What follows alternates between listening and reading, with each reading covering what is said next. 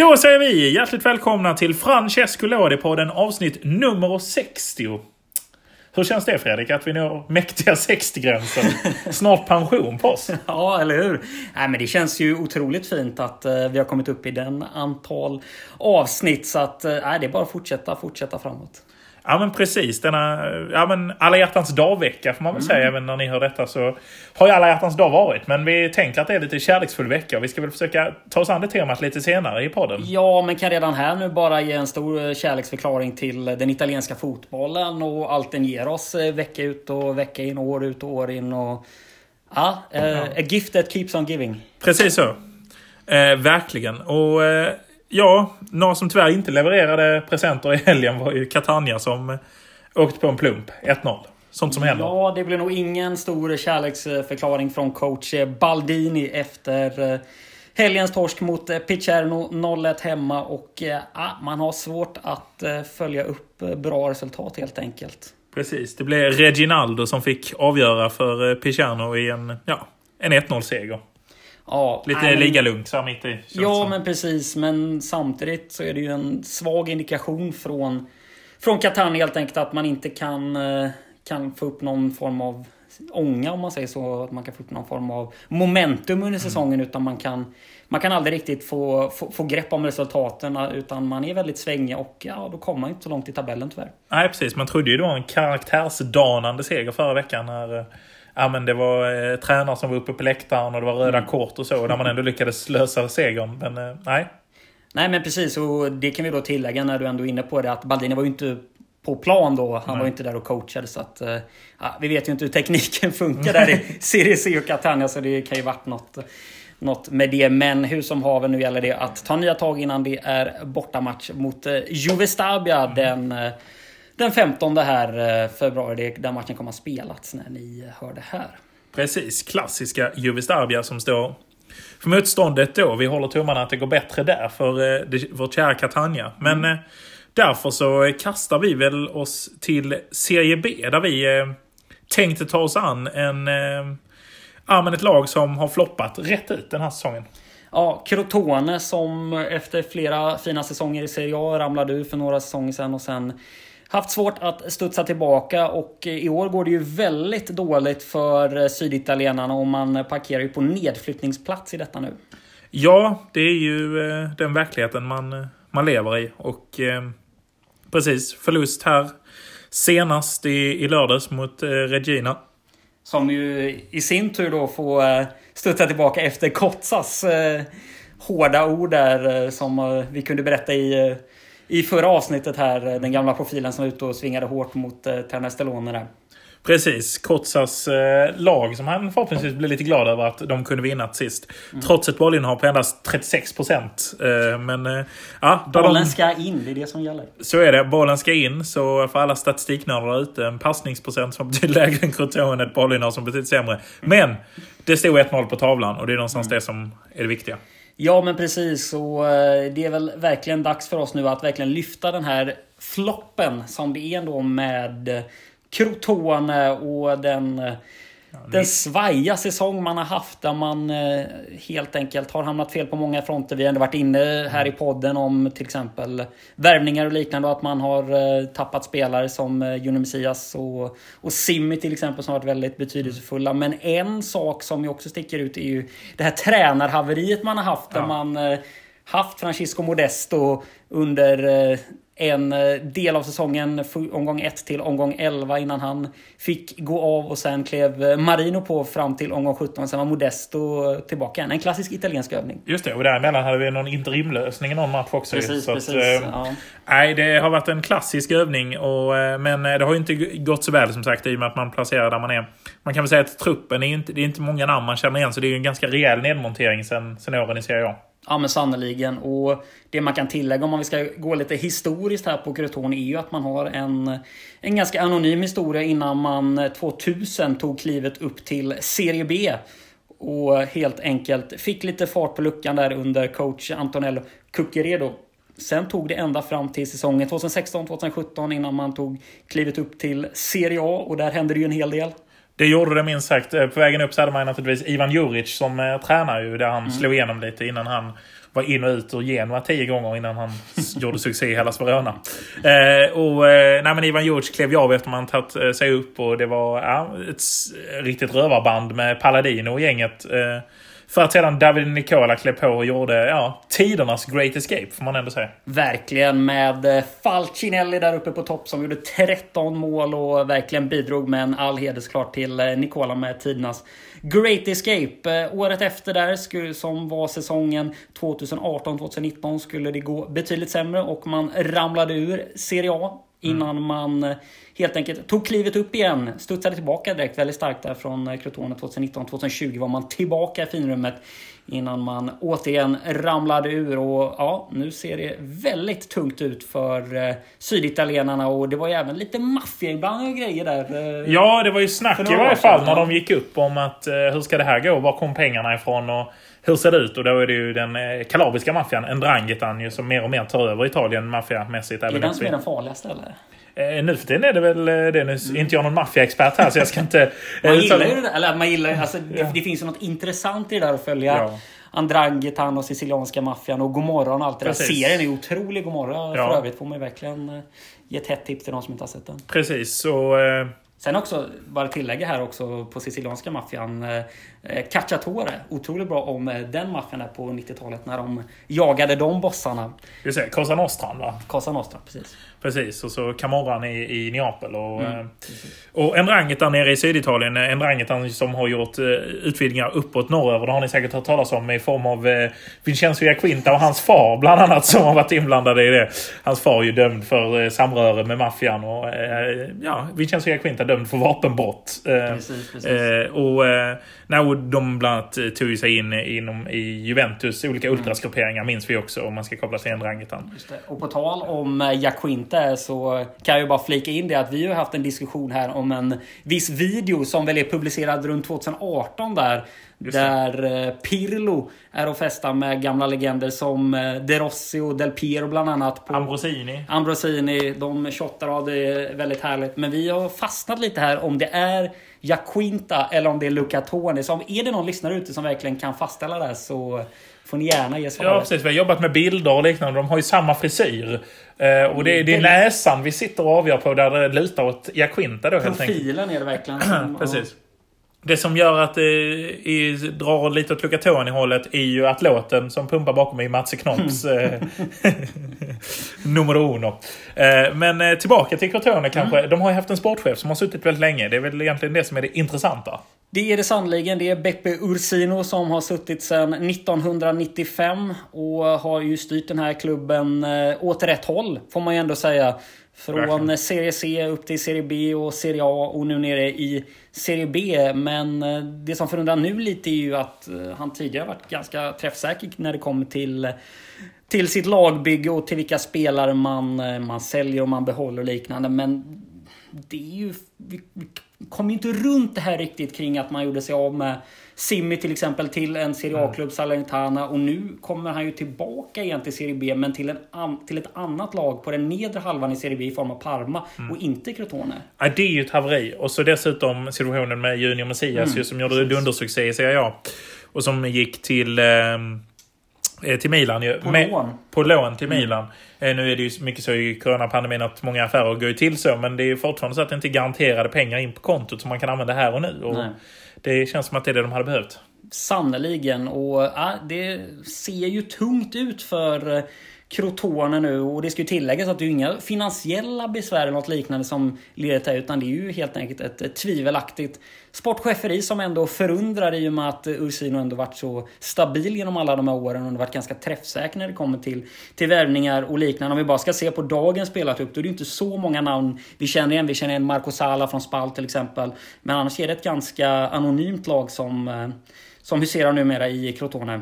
Ja, det är spännande att se om... eh, För till sist faller ju alla. Det vet vi både tränare och sportchefer och så. Mm. Men man tänker ju ett sånt lag som Kiev, om man ska jämföra med dem, så börjar de ju falla när faktiskt deras sportchef lämnade ju för eh, Atalanta. Mm. Så då var det samma ägare, men man tappade sin sportchef. Och eh, det var ju någonstans förödande för dem. Här är ju sportchefen kvar, men det Mm. går ändå neråt. Precis, och en tråkig faktor som man kanske ska ha i det här är ju åldern kanske. 72 år nu Ursino här och kan ju vara så att, eh, att det har något med den faktorn. Det är ju ingenting som, som vi har någon koll på här men eh, man ska ändå ha det i beaktning kanske att, ja. eh, att åldern tar ut sin rätt. Ja, nu ska man inte skämta om det, men man Nej. för ju direkt tankarna till just när det gäller ålder. Eh, Malmö FF, när de hamnade i ekonomisk kris i slutet av 2000-talet, eh, precis början på 2010-talet, när man fick byta VD för att eh, dåvarande VDn hade tappat synen lite så att han missade att betala en del fakturor och liknande. Det är, förhoppningsvis är det inte något liknande som har skett här. Men Nej. Nej precis och sen även eh, kan vi dra den till Lomonaco och Catania också. Visst, eh, han kanske inte är riktigt så gammal. På tal om synen. Ja, på tal om synen ja, precis. Så gammal som Ursino här men eh, ja, han hade det också problematiskt helt enkelt. Men ja, mm. nej, det ser kämpigt ut för Crotone och ehm, Ja, vi får väl se om de eh, hänger kvar helt enkelt. Det ser onekligen tungt ut. 14 poäng på 22 matcher. 5 poäng upp till eh, nedflyttningskvalet där som Cosenza just nu har den där 17 mm. platsen på, på 19 poäng. Ja men precis. Så det, det, kommer att bli en spännande vår för dem där de måste ta tag i det nu. Vad ska de göra på tränarbänken? De kan ju inte gärna ta bort Modesto igen. Eller jo, det kan de. Men, det kan de ju. De kan ju ta bort han igen och och, och, och, slänga in eh, för, för detta coachen där en gång till. Men eh, det är väl inte att, eh, att rekommendera. Nej, men, jag, jag, tror inte det. Han fick ju bara, bara sex matcher på sig där så att...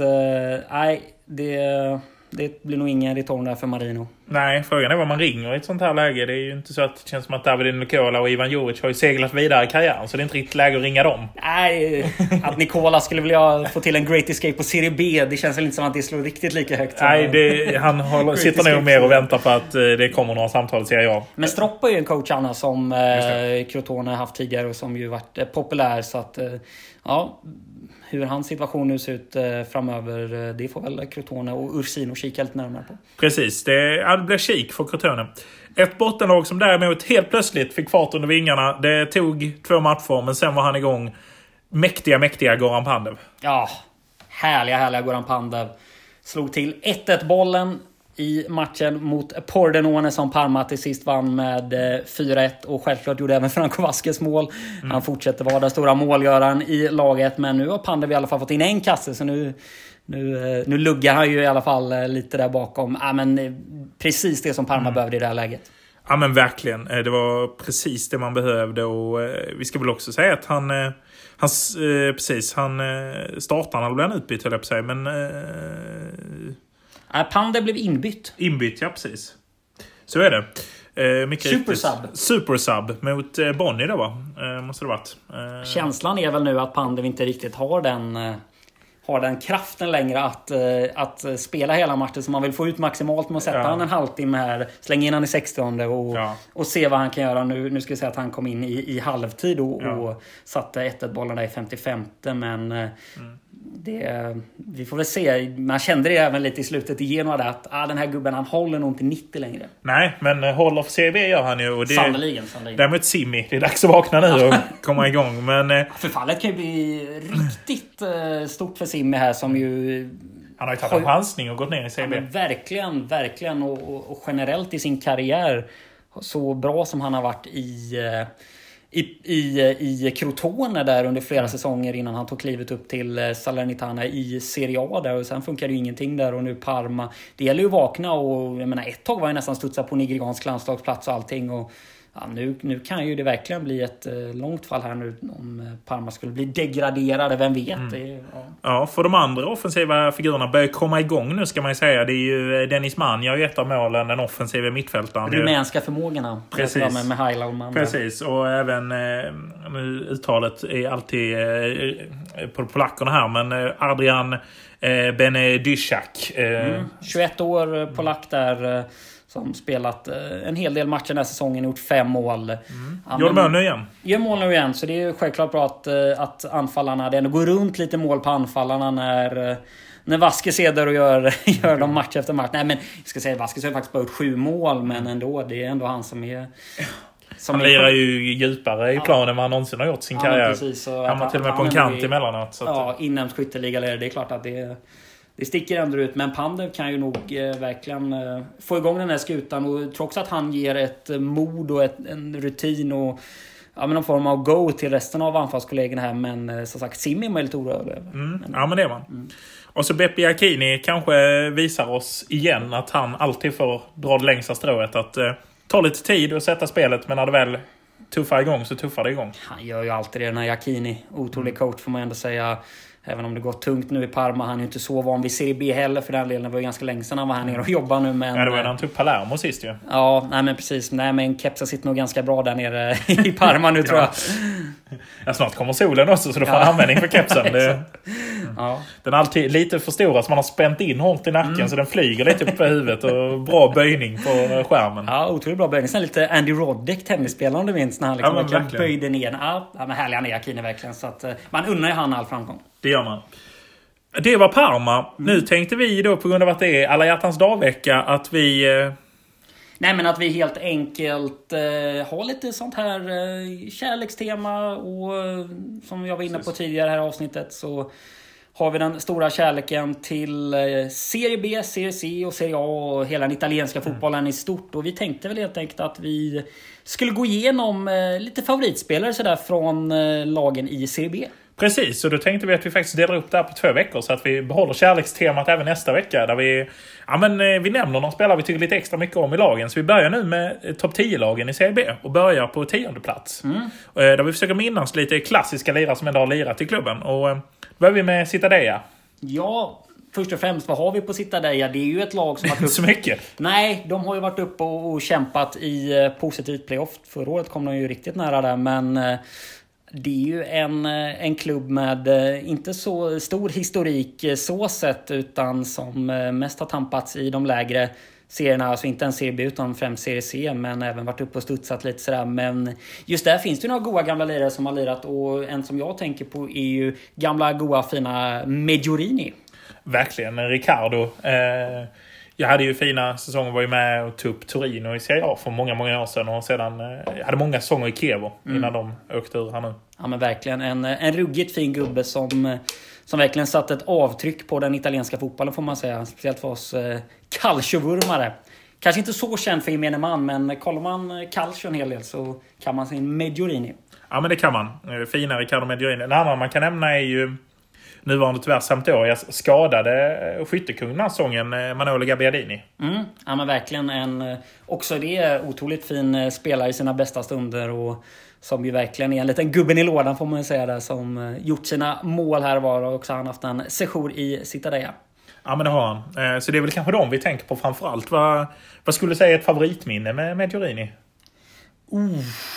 Ja, men det är svårt. Men, eh, ja, men det är ju någon av hans eh, fina kassar i eh, Kiev helt enkelt. När han är i boxen och bara, bara vräker sig fram helt enkelt. Och, och, och gör sitt mål från ungefär straffpunkten och liknande. Det, ja, men det är ju en, verkligen en, en stark spelare i boxen och som gjort många mål från nära håll tänker jag mycket på. Verkligen. Det, man det tänker är väl på framförallt, tänker jag i varje fall som jag tycker är härligt, är att han höll så länge på Serie A-nivå och gjorde så pass få mål som anfallare. Det är ju ändå... Alltså vad hade han för snitt? Typ 3-4 mål per säsong kändes det som. Ja men precis, men samtidigt kändes han också alltid lite som en pappa i laget på något sätt. Även om visst de hade Pellissier och liknande. Men Medjurini var ju även också han någon form av pappa. Liksom. Med Och Medju- 69 på Ja men precis, om- ja också det såklart. Men Pellissier som någon form av morfar eller farfar och så, Mm. eh, så Medjurini som någon pappa och så var de andra ungtupparna där. Och, ja, mycket assist också ska vi säga. Eller mycket och mycket men han gjorde ju sina, sin beskärda del. Så att, eh, ja, men det är väl, det är väl um, de här favoritmomenten. Något specifikt mål sådär direkt kan jag inte riktigt eh, komma på. Har du något sådär? Nej, nej, faktiskt inte sådär direkt. Det, det är just när man fick upp ögonen för de första gången där i Turin. Som man minns han i den här eh, klassiska kappatröjan i Turin. När de fortfarande hade de här gamla eh, typsnitten. Eh, du vet de här klassiska kappatypsnitten som Roma hade i många säsonger också. Liksom de här väldigt stilrena gillade jag. Ja, ruggigt läckert verkligen. Eh, Med Gabbiadini däremot så... Ja men det är ju någon, eh, några ruggigt fina kassar han dragit in. Vi minns ju även hans sejour i England såklart. Där var han ju väldigt eh, betydelsefull för Southampton. Gjorde ju viktiga mål även där. Men han har gjort några riktigt läckra strutar utanför boxen som verkligen kommer till minnes här. Ja men verkligen. Och att man tänker på att han är ju i början av karriären i eh, Sampdoria, han slog igenom på riktigt där eh, efter han hade gått från Atalanta till, till Samp. När han är faktiskt de- lirade en hel del kant när Okaka skulle ha den centrala rollen. Ja. Ja, nej, det var väl inte där han kom till sin rätt. Men, Nej, men han gjorde ju ändå en del eh, pytsar där ute. Eh, Men härligt att se honom eh, igen i, i, i spel i. Sampdoria. Vi hoppas att han snart är tillbaka på plan. Verkligen. Eh, ska vi hoppa över till nionde platsen Ja, då? Där eh, Ascoli ligger placerade. Ja, Ascoli som eh, ändå gör en ganska fin säsong. Har ju harvat i botten av serien i många säsonger. Var ju nära att, att ryka där eh, förra året. Eh, en spelare av många legendarer som har spelat där är ju den gamle härliga coachen som vi främst minns han från Luigi Di Baggio. Men han har även spelat en session i Ascoli 2007 till 2008. Mm. Ja, men mäktiga Luigi Di Baggio. Eh, en annan lite mer för våra äldre lyssnare som vi väl knappt har hunnit uppleva är Oliver Bierhoff. Mm. Som också har eh, sprungit runt där. Ja, men, precis som man ju har hört många goda historier om från hans eh, tid i Italien generellt. Men han har också haft en sejour i, i Ascoli. En annan, eh, Andrea Barzagli, Juventus-legendaren. Ja, han har jag ju många fina minnen till. En, en favoritspelare för min del. eh, Där. Otrolig värvning när eh, Marotta och eh, Paratici eh, som duo eh, plockade honom. Är det en av de största kapen i, Ja, i Serie A's historia? vad var det? Typ 300 000 euro. Så här, typ 3 miljoner. Så att eh, ett allsvenskt lag skulle haft råd att köpa honom. Liksom. F- Från Wolfsburg, ja. Mm. Ja, otrolig värvning. Och sen på försvarsfronten har vi även eh, huserat där. Och, eh, Sabaton. Lite, lite bubblor också. Antonini. ja, fina Antonini. Fina Antonini. Ruggigt fina. 77 där på kanten i Allegris eh, Milan ju. Ja. Och med Zlatan och gänget. Ja, otrolig alltså. Det, ja. Nej, fick inte spela så mycket men eh, var ju alltid där på något sätt kändes som. Ja men precis. Eh, ja men eh, en pålitlig lirare. Inte så många landskamper dock på, på den gubben. Men, eh, Icke. Icke, icke. precis. Och på eh, åttonde plats så hittar vi ju klassiska Perugia. Ja, klassiska, klassiska Perugia. Som ju eh, många har väldigt starka känslor till i, i, i eh, fotbollsvärlden generellt. Många gillar ju det här laget. Och Stökigt lag på sin tid. Stökigt lag på sin tid. Eh, En spelare som verkligen sticker ut, eh, får man ändå säga, är eh, sydkoreanen An Jung-Wan. Som sänkte Italien i VM 2002. Kvartsfinalen var det? Ja, ja, Italien totalt bortdömda i det mästerskapet ska man säga. Som så många gånger. Haveri till domare i den matchen får man ändå säga. Mm. Och eh, ja men An Jung-Wan han spelade ju för Perugia. Mm. Och sen när han då hade spelat klart turneringen och skulle hem till Italien igen. Då var han inte välkommen längre utan han fick, eh, fick packa väskorna igen och, och flytta vidare helt enkelt. En, eh, ja, men en otrolig historia ändå får man ju säga. Gamla Serie A känns verkligen som gamla i det italienska där väldigt... eh, Mm. Ja. Precis, ja men verkligen. Eh, Perugia som ju... 2002 ska vi säga. VM också. 2002 var det ju. Eh, och, ehm, precis, hur var det mer? Eh, nu ska vi se, nu tappade jag eh, tråden här. Jo, naturligtvis eh, allas vår Alessandro Diamanti. Eh, Ja, ja men en eh, underbar spelare på alla sätt och vis som ju... Ja men för mig på något sätt är lite av en... Ja, men någon form av liksom bubbla till favoritspelare någonsin kanske. Ja, men, svårt, men, verkligen. men otrolig på den här... eh, På den här eh, ja, men, eh, offensiva mittfältsrollen verkligen. Alltså gubben i lådan. Drog de här otroliga passningarna. Var otrolig på fasta, var otrolig på skottet. Hade ju också hela den här looken med det här krulliga håret. Ja, Alltså- men Budde fin känsla i foten. Man kunde också fan dänga till en boll jävla hårt så det skakade hela ribban. Liksom. Det är fantastisk fotbollsspelare. Mm. men verkligen. Sådana man knäpper på tvn för att se. Exakt, det var verkligen en spelare som man ville titta. Så man följde ju honom ganska mycket när han var runt i sina olika lag. Och när han var Fiorentina till exempel. De hade ett otroligt fint lag där. Eh, Med, med Jovetic och, och så. Nej, det var ett eh, otroligt kul att se Diamanti där. eh, Bolognas stora Bologna, lagkapten efter Di Vaio la av ju. Exakt. Ja, men en, en fantastisk spelare. Det blev för få år i Bologna. Han skulle aldrig gått där till Kina. Det tog från honom hans VM-plats som han annars skulle haft ju. Precis, cashen kallar det. Ja. var väl det tyvärr som, som gjorde att han, han lämnade. Sen blev det ju en tur till Australien också för, för Diamanti. Där han fortfarande är still going. Precis, Gör det bra. precis. Exakt, det ska, vi, det ska vi tillägga att han ändå är kvar där och, och lirar. Så, så vill man se Diamanti så kan man ju fortfarande knäppa på TVn där eh, 04 eller något. Ja, ja, och, och- och kika, kika lite Australiensiska superligan. A-League. Ja. Ja men precis. Och så ska vi bara nämna en annan. En som, bubblare till. Som vi minns. Eh, svårt att lämna honom som en favoritspelare men eh, som bevisar hur sjuka de var Perugia på den här tiden. Dels att de sparkade en spelare som sköt ut Juventus. Men också att eh, Muammar Gaddafi, eh, helt enkelt eh, Libyens diktator eh, som senare eh, mördades i arabiska våren och störtades. Hans son var ju en runda i Perugia säsongen 2003-2004 med starkt influens för att eh, ja, Italien hade rätt mycket utbyte med Libyen på den här tiden och eh, de hade väl kopplingar till Perugia bland annat. Och eh, eh, Gaddafi ju eh, helt enkelt, eh, ja, sonen eh, Gaddafi gjorde en fight för Perugia 2003-2004. Otroligt. Ja, otroligt. Otroligt. Eh, ja, men är verkligen jäviskt eh, så det... Gick så över sen också till att bli, var 2011 var han ju commander of Libya Special Forces i eh, inbördeskriget. Så att ja, mm, Ska ju säga också att ingen, han... ingen att hylla. Det är en antihjälte får man Nej, säga. men precis. Ska säga också att Al-Sadi Gaddafi då helt enkelt. Han var ju en striker. Mm. Eh, och eh, hade spelat ändå lite matcher för olika lag i Libyen eh, innan Mm. han eh, fick chansen i Perugia. Men nej, det gick ju inte väl ut. Hade även en session i Udinese senare. Men eh, Sägs också, och, också det är bara en match kan sägas.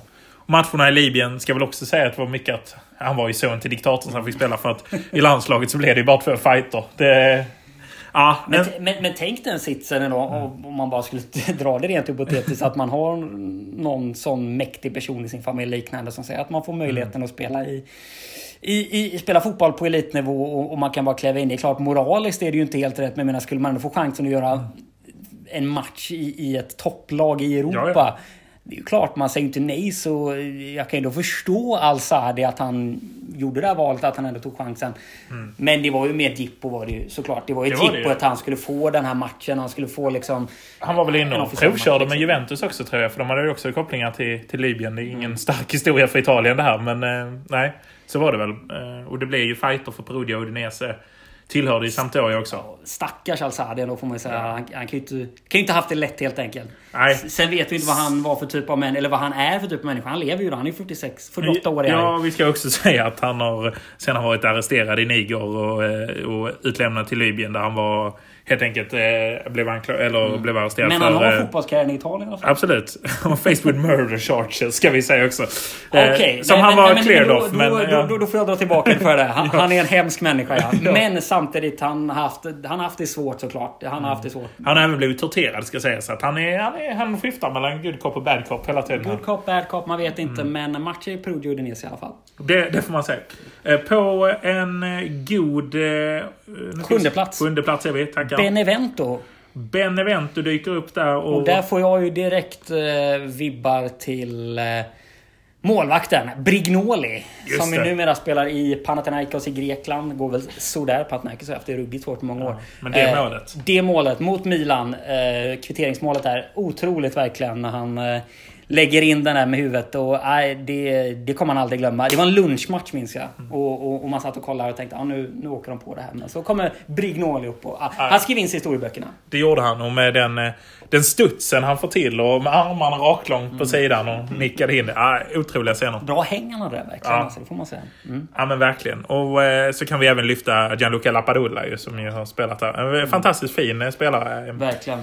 I Italo-peruanen. Italoperonen. Ja men precis. Eh, Trodde man ju väldigt mycket på eh, där eh, ett tag när han var i Milan. Liknande trodde han att han... Han fick ju en roll i Milan ändå som gjorde att han ändå skulle kunna spela lite första fiol där. Men det var ju ett Milan som verkligen inte fungerade på den tiden. Så han hade lite otur med tajmingen när han Ja. gjorde den flytten. Kanske skulle tagit ett mellansteg också till ett Bologna eller ett Udinese kanske innan han gjorde det hoppet. Men gör det väldigt fint i, i Serie B nu så att...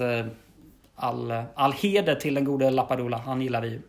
Precis, vi ska ju säga att vi eh, missade Frossan också där ju. Eh, emellan. Eh, som placerar sig på sjunde plats va?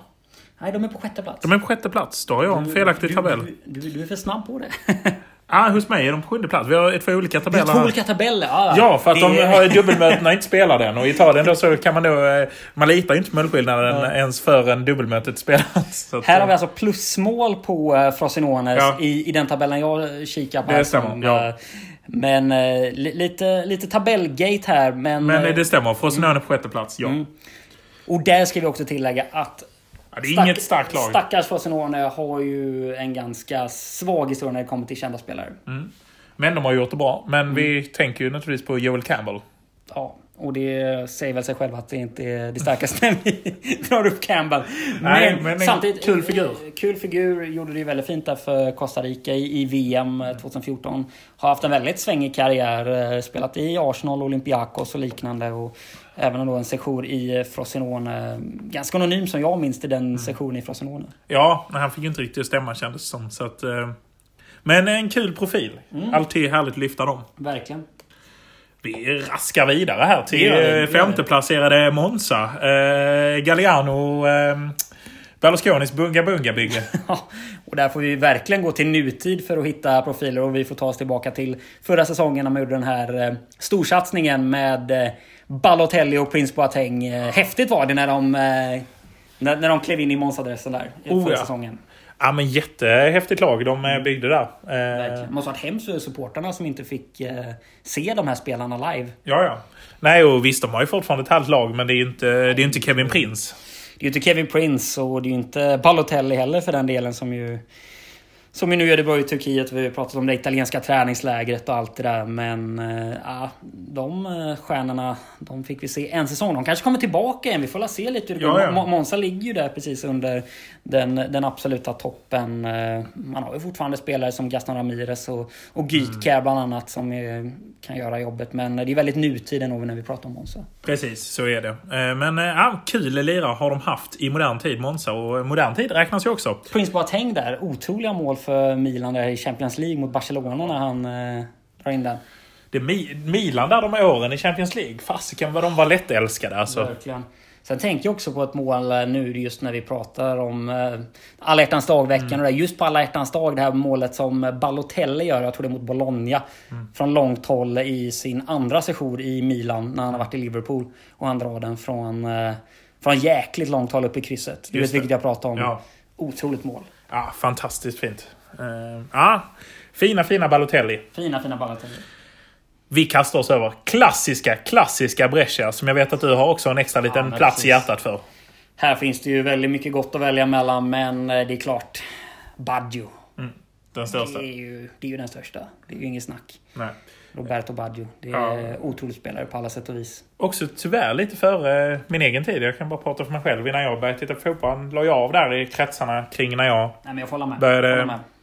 Titta, man har ju sett klippen, alltså Mm. vilka, vilka matcher han har gjort. Och, eh, och eh, ja, men i Brescia så var vi mer som har varit och sprungit naturligtvis eh, ja, men Pep Guardiola och Luca Toni, en gammal dur som sprang runt där samtidigt.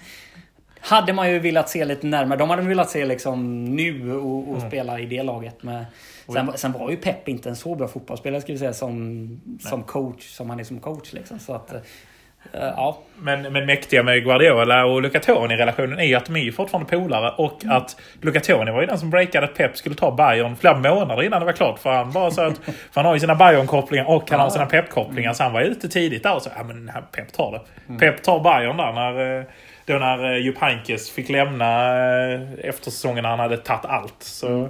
var väl han ute redan i februari och svingade där, eh, Luca Toni. Känns som det var oväntat för många att Tony skulle komma med det statementet. Ja, det var inget ställt på allvar då. Nej, det, det kändes väl eh, väldigt överraskande för många att eh, just Tony satt inne på det. Men de har ju som sagt ett band och ja, ruggigt fina i sina Sen såklart eh, nutid, många spelare som jag också.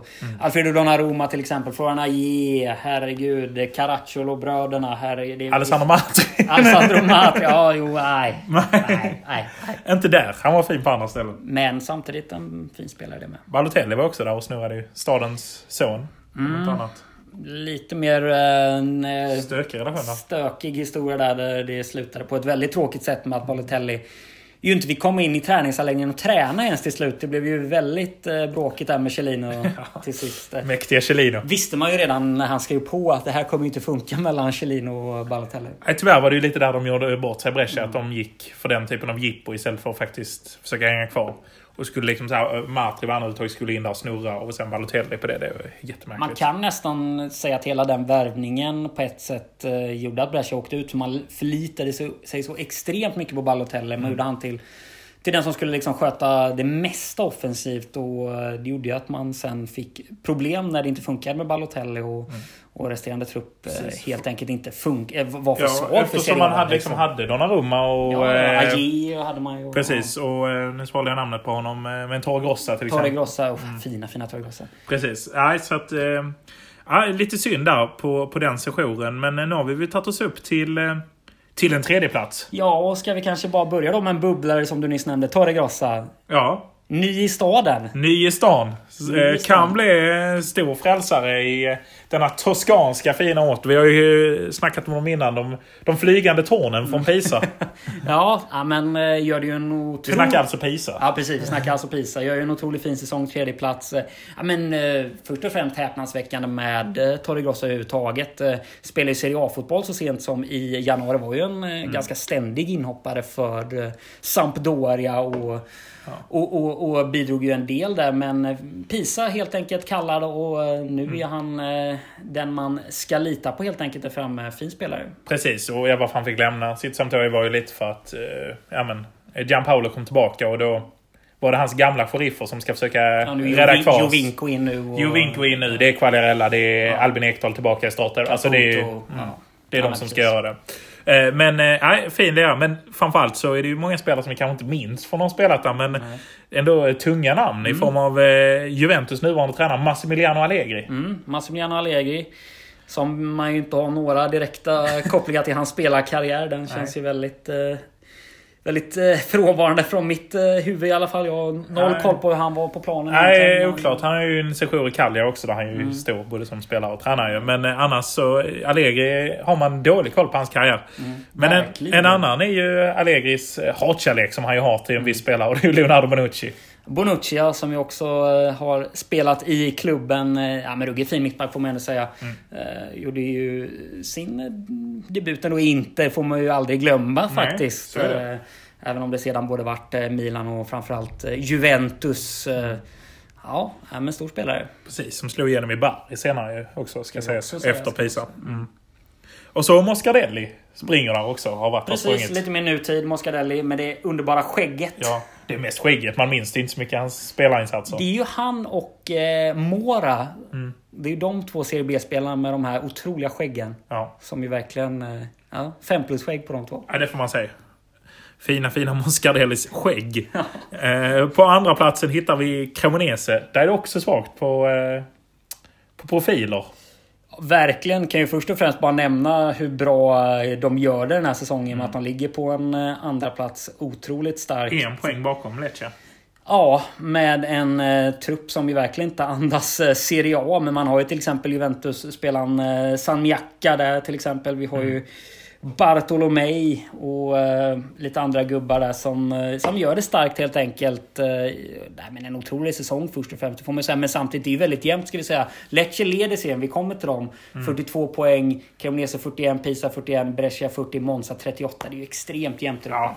Ruggigt spännande. Vi har ju sagt det innan när vi gjorde vår genomgång av, Ja, precis, precis. Eh, av eh, serie, serie B att det är ruggigt jämnt där. Och, eh, ja, men namnen som vi har hittat ändå är ju eh, Gaetano Castrovilli. Eh, mittfältare i, eh, i Fiorentina. Mm.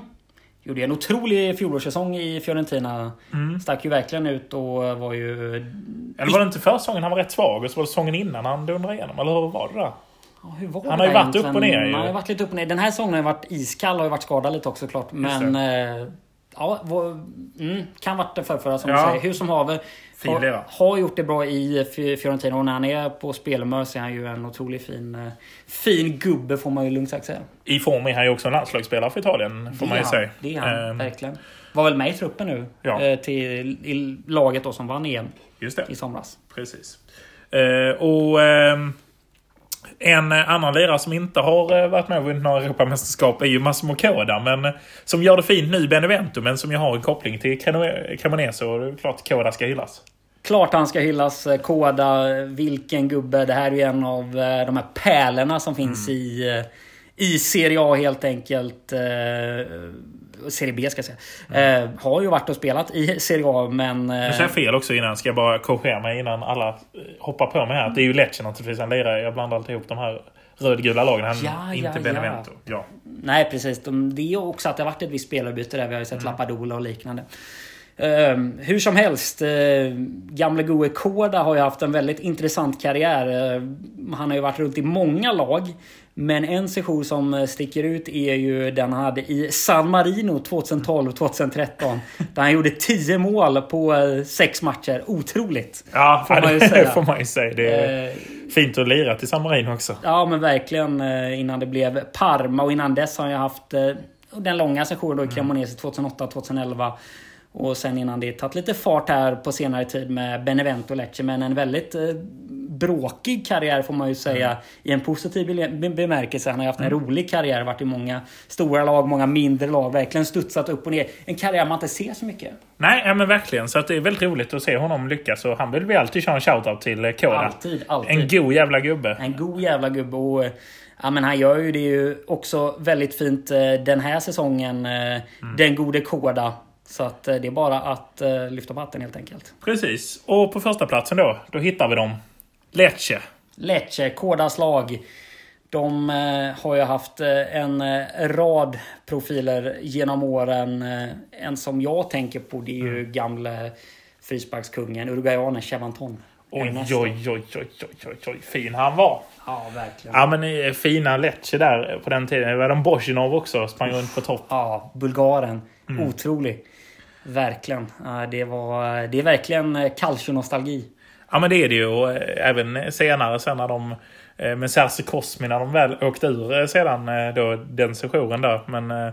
där hade de ju ett fint lag. Det var ju många spelare på gång. Där bland annat Luis Muriel sprang upp på topp. Corrado sprang på kanten. Och Eh, Oliveira plockades in från... Eh, nej, han var väl där också sprang runt tror jag. Eh, lite anonym med mittfältare som ändå blev lite av en stjärna där, men som sen lämnade. Mm, ja, men även det var ju ett otroligt lag. Och, ja, men just Muriel eh, utmärkte sig verkligen därifrån och tog ju väldigt stora kliv sen. Massimo Odd avslutade sin karriär också. Ja, det ska vi, det ska vi inte glömma. Det får man aldrig glömma. Nej, verkligen. Världsmästaren Odd. Världsmästaren då. Det ska vi inte heller aldrig glömma.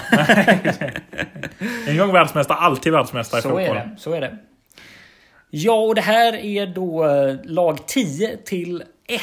Mm. Och det är väl där vi tänker vi kör den här veckan och så följer vi upp eh, nästa vecka med att köra lag 20 till 11 helt enkelt. Precis, gå igenom lite goa profiler i Serie B. Mm. Eh, ja, men det är alltid härligt att minnas tillbaka till de här eh, fina lirarna.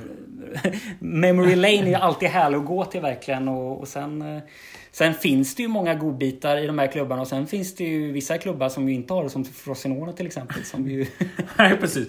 Det är ju blandat liksom så här. Vissa, vissa har fler profiler än andra. Eh, men eh, det är väl också det som är charmen. Att Verkligen. det finns nya uppstickare och nya lag att lära känna. Vilket vi har fått göra de senare åren i Serie A ju med lag som varit uppe och vänt och sen ner igen som Carpi och liknande. Och för den delen Crotone som vi mm. diskuterade innan. Det är alltid kul när det kommer nya lag. Och kanske och är det Pisa som ska upp nästa Ja men precis. Och det är alltid någon spelare eller liknande som alltid fastnar ändå. Mm. Som man alltid minns från, eh, från olika sessioner när de varit uppe. Så att, eh, ja. Så är det. Även om inte alla har ett sånt track record som Perugia som... Eh, Nej. Han sydkoreanen som fick sparken och även Gaddafis son. Det, det är svårtoppat. Ja, det är väldigt svårt hoppat. Det, det tror jag vi nog inte ser igen. Nej, eh, kanske för det bättre. Men mm. ändå lite sorgligt. Ja, det är väl Monza som skulle kunna en sån eh, ja. manöver i så fall. Oh ja.